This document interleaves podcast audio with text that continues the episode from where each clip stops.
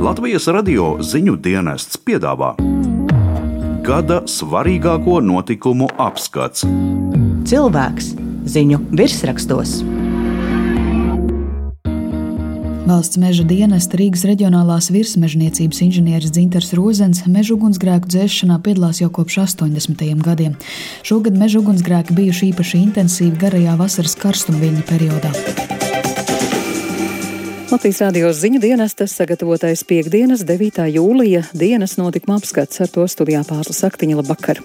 Plašs meža ugunsdēks Garkalnis novadā sinoptiķi brīdina par svelmi tuvākajās dienās. Garkalnē šovasar bija paaugstināts bīstamības meža ugunsgrēks un iedzīvotājs satraukums to brīdi jaušams kādā Latvijas televīzijas ziņu sižetā. Sākumā liela panika, jā, jo redzējām, kad ugunsgrēks izplatās lielā ātrumā, un jā, skrējām ar šļūteni un, un laistījām mūsu priekšā tur ārā eh, zālīti. Visi kaimiņi skrēja uz mežu ar lāpstām. Kad jau lielās liesmas tuvojās, kaimiņš paņēma mazo traktoriņu. Izbraukājām smiltis, lai sanāktu tāda kā robeža, kā aizsardzība, lai uguns netiek tālāk. Страшно, а что?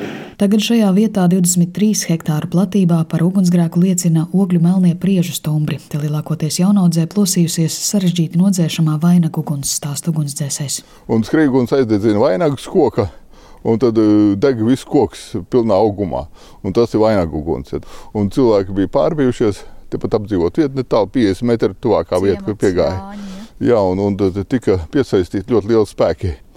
Un arī te varēja redzēt, ka, piemēram, uguns pārmetās vairāk par 50 metriem, teiksim, uz jaunu degšanas vietas ir. Ja, nu, pie vainaga uguns tā ir dabiska parādība. Ja. Viņš ar, ar savu siltumu uzrauj dzirstels un mazās degošās miziņas augšā un nokrīt, un pēc tam sākās degšana. Dzēst vainaga uguni ir tikpat kā neiespējami, jo ar ūdeni dzēst ir, ir pa lielu temperatūru un pa lielu gabalu jādzēš. Ja, teiksim, nevar cilvēks piekļūt tik tuvu. Sadūmojums arī traucē.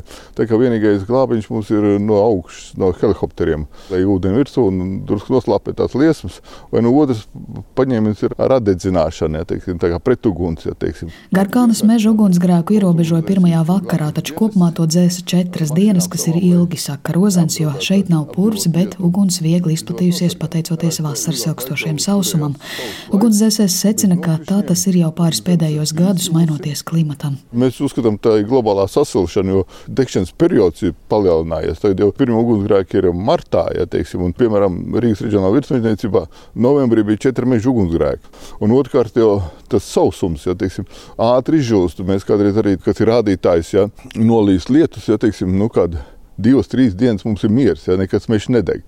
Bet tagad ir tā, ka nolīs lietus, un jau, jau otrajā dienā var būt degšana jau.